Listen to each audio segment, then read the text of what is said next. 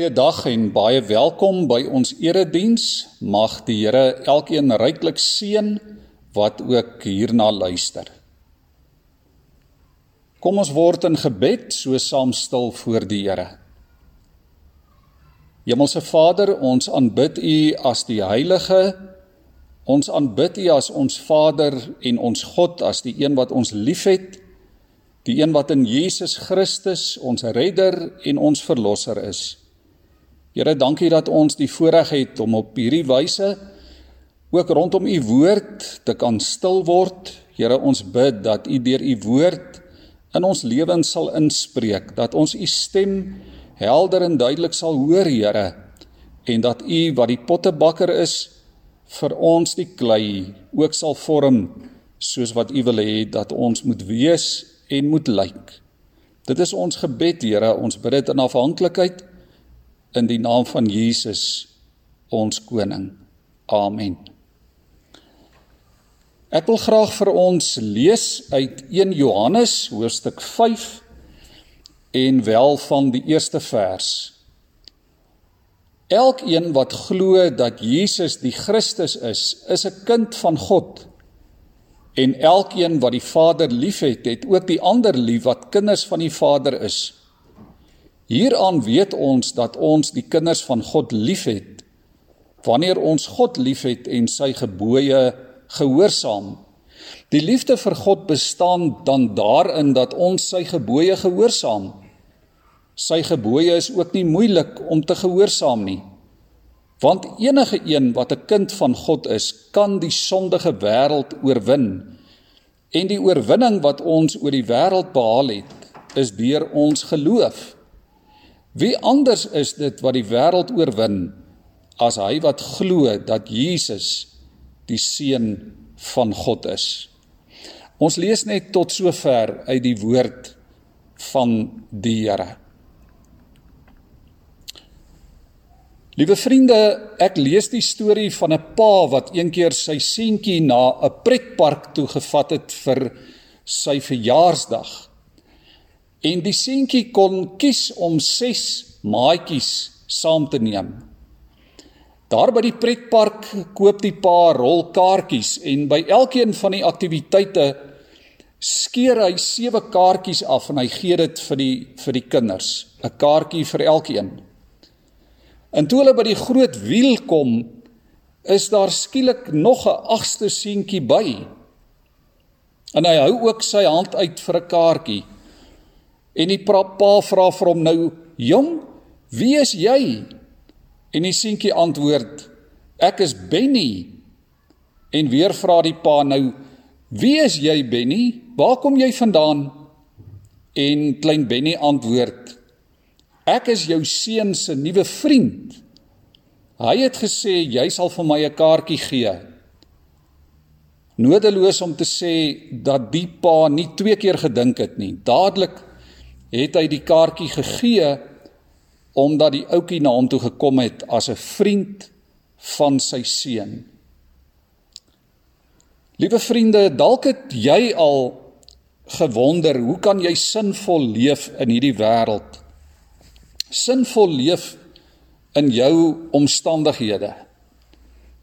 Johannes kom en hy sê deur in Jesus te glo, deur Jesus se voorbeeld van gehoorsaamheid te volg deur 'n verhouding te hê met die seun van God so kan jy die wêreld op sy knieë dwing.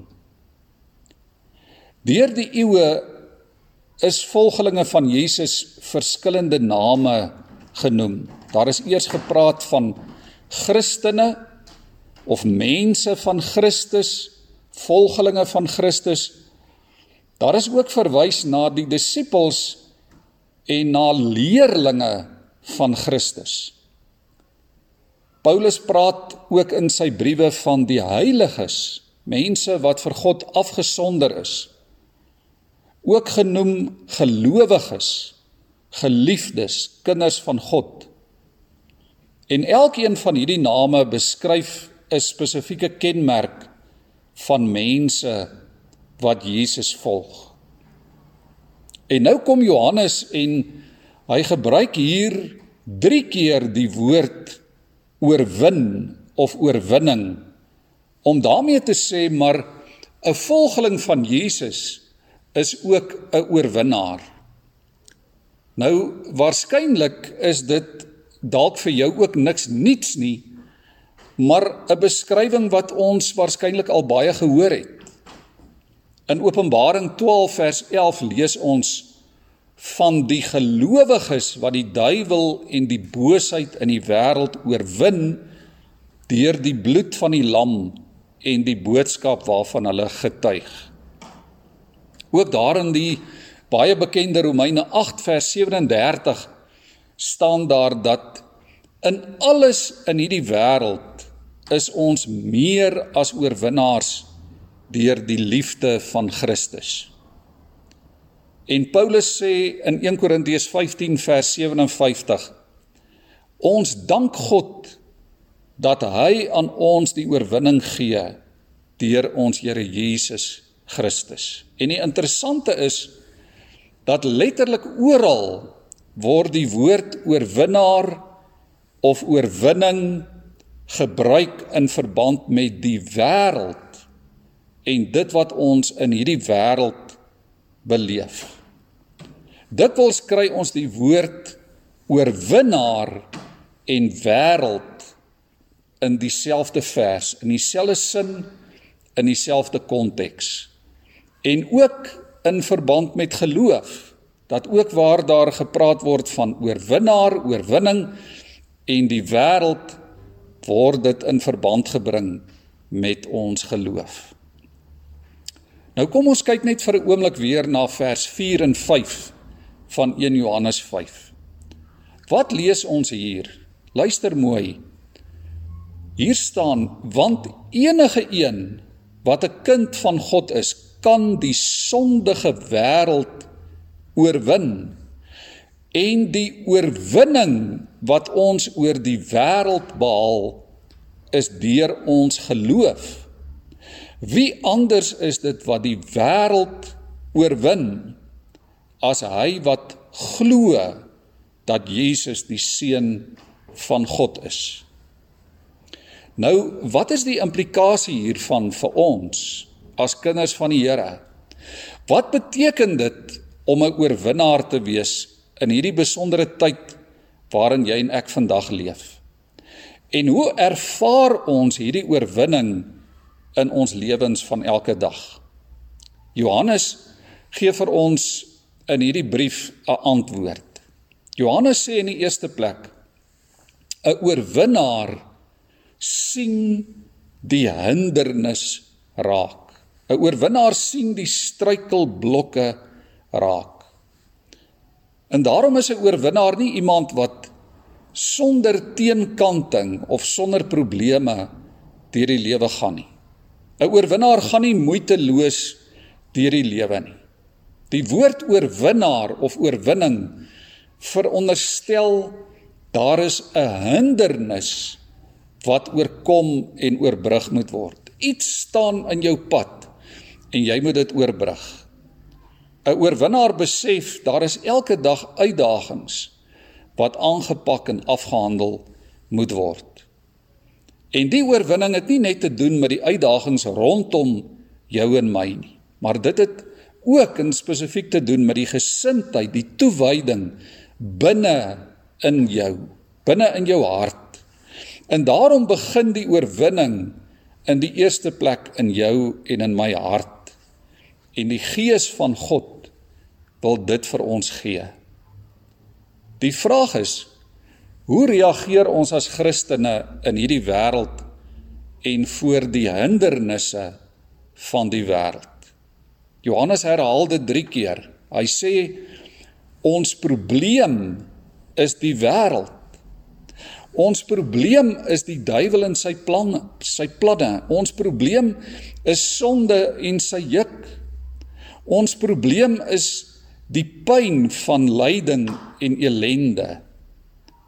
Ons probleem is fokus op gemak en plesier en sensualiteit en wins en mag. Ons ons probleem is die wêreld en alles wat in oppositie is met God en met die wil van God. Die wêreld wil ons op ander goed laat fokus as op die eer van die Here. Die wêreld wil ons waardesisteme deurmekaar krap. Die wêreld wil ons kompromieë laat tref oor dit wat reg en dit wat verkeerd is. Die wêreld wil ons afhanklikheid van God en van sy woord afwater. Die wêreld wil ons in sy eie vorm inmold en van God vervreem. Die wêreld wil ons laat vergeet wie ons is en aan wie ons behoort en wat ons voorregte is as kinders van die Here.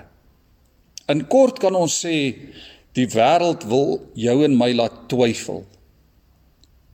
Die wêreld wil ons soms oortuig dat 'n hindernis dalk te groot is of dat dit onoorkombaar is.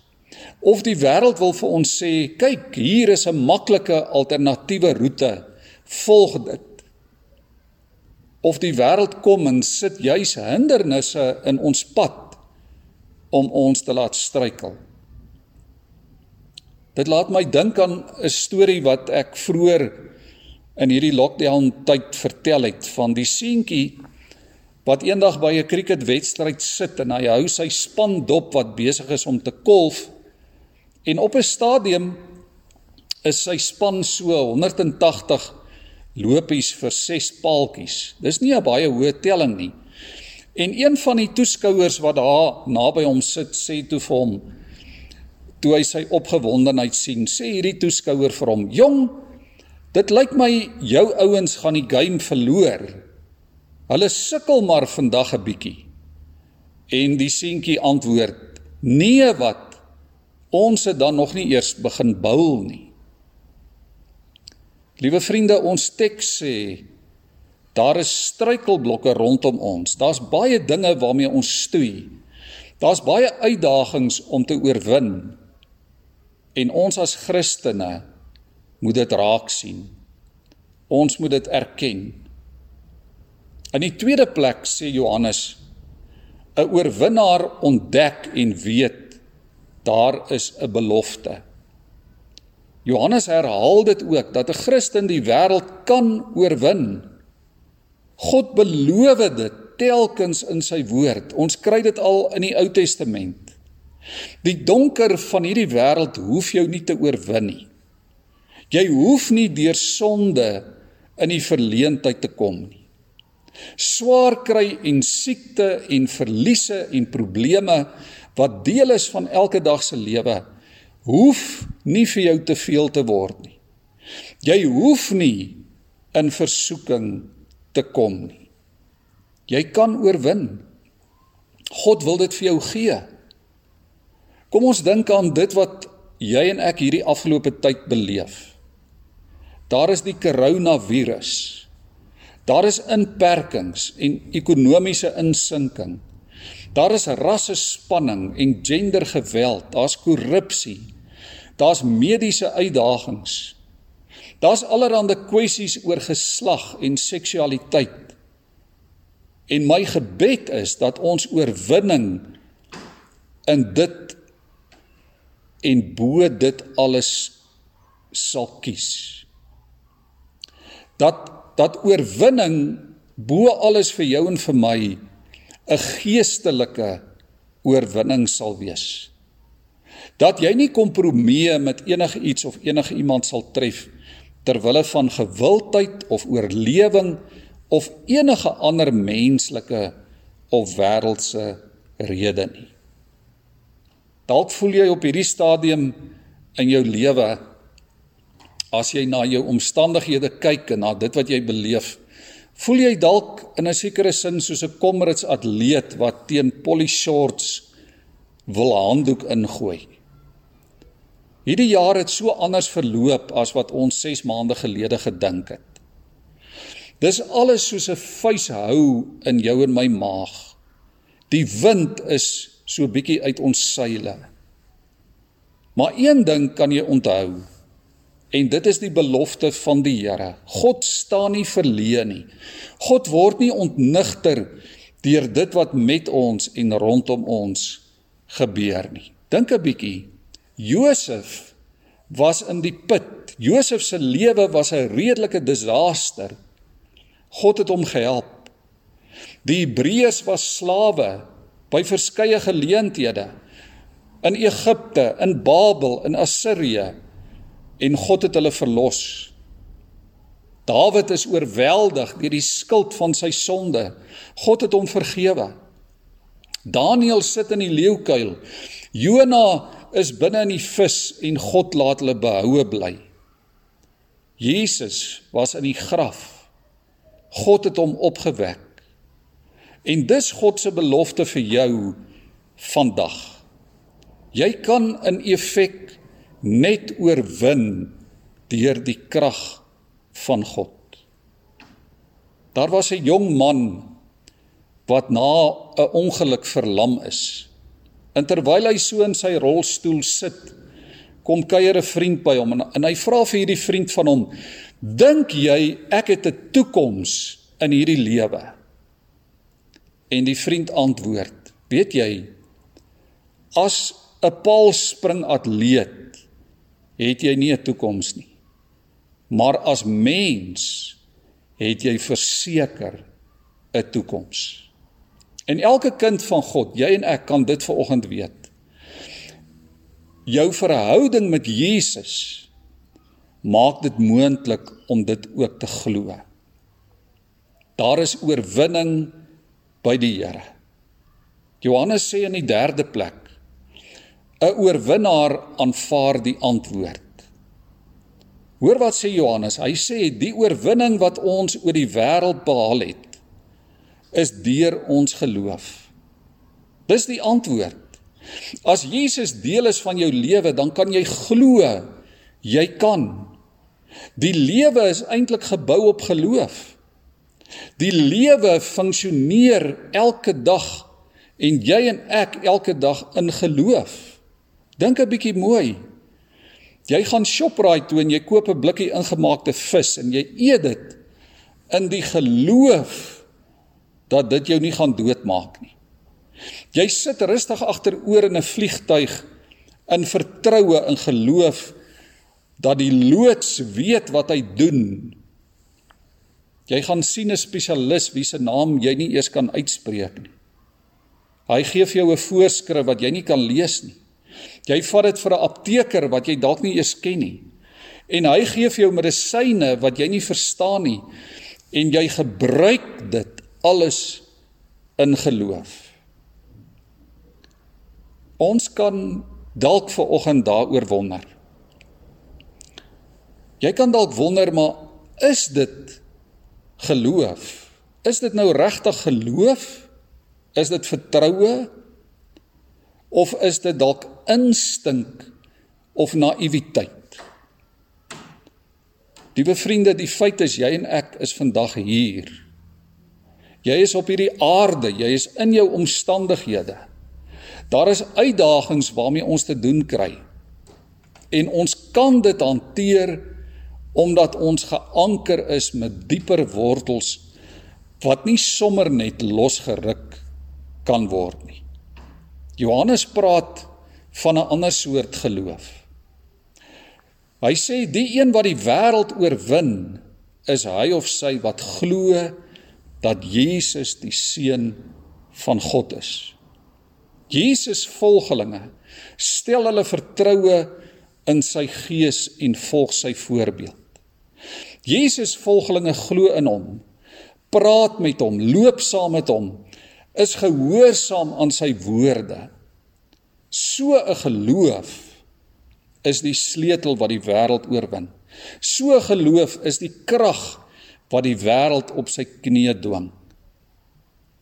David Livingstone, weet ons, het groot sendingwerk in Afrika gedoen en op 'n keer is hy terug Londen toe om 'n belangrike toekenning te gaan ontvang en daar voor 'n groot skare vra iemand vir hom hoe bly hy staande in die donker kontinent van Afrika waar hy soveel teenstand kry van ongelowiges waar hy te doen kry met siekte met gevare wat hom bedreig.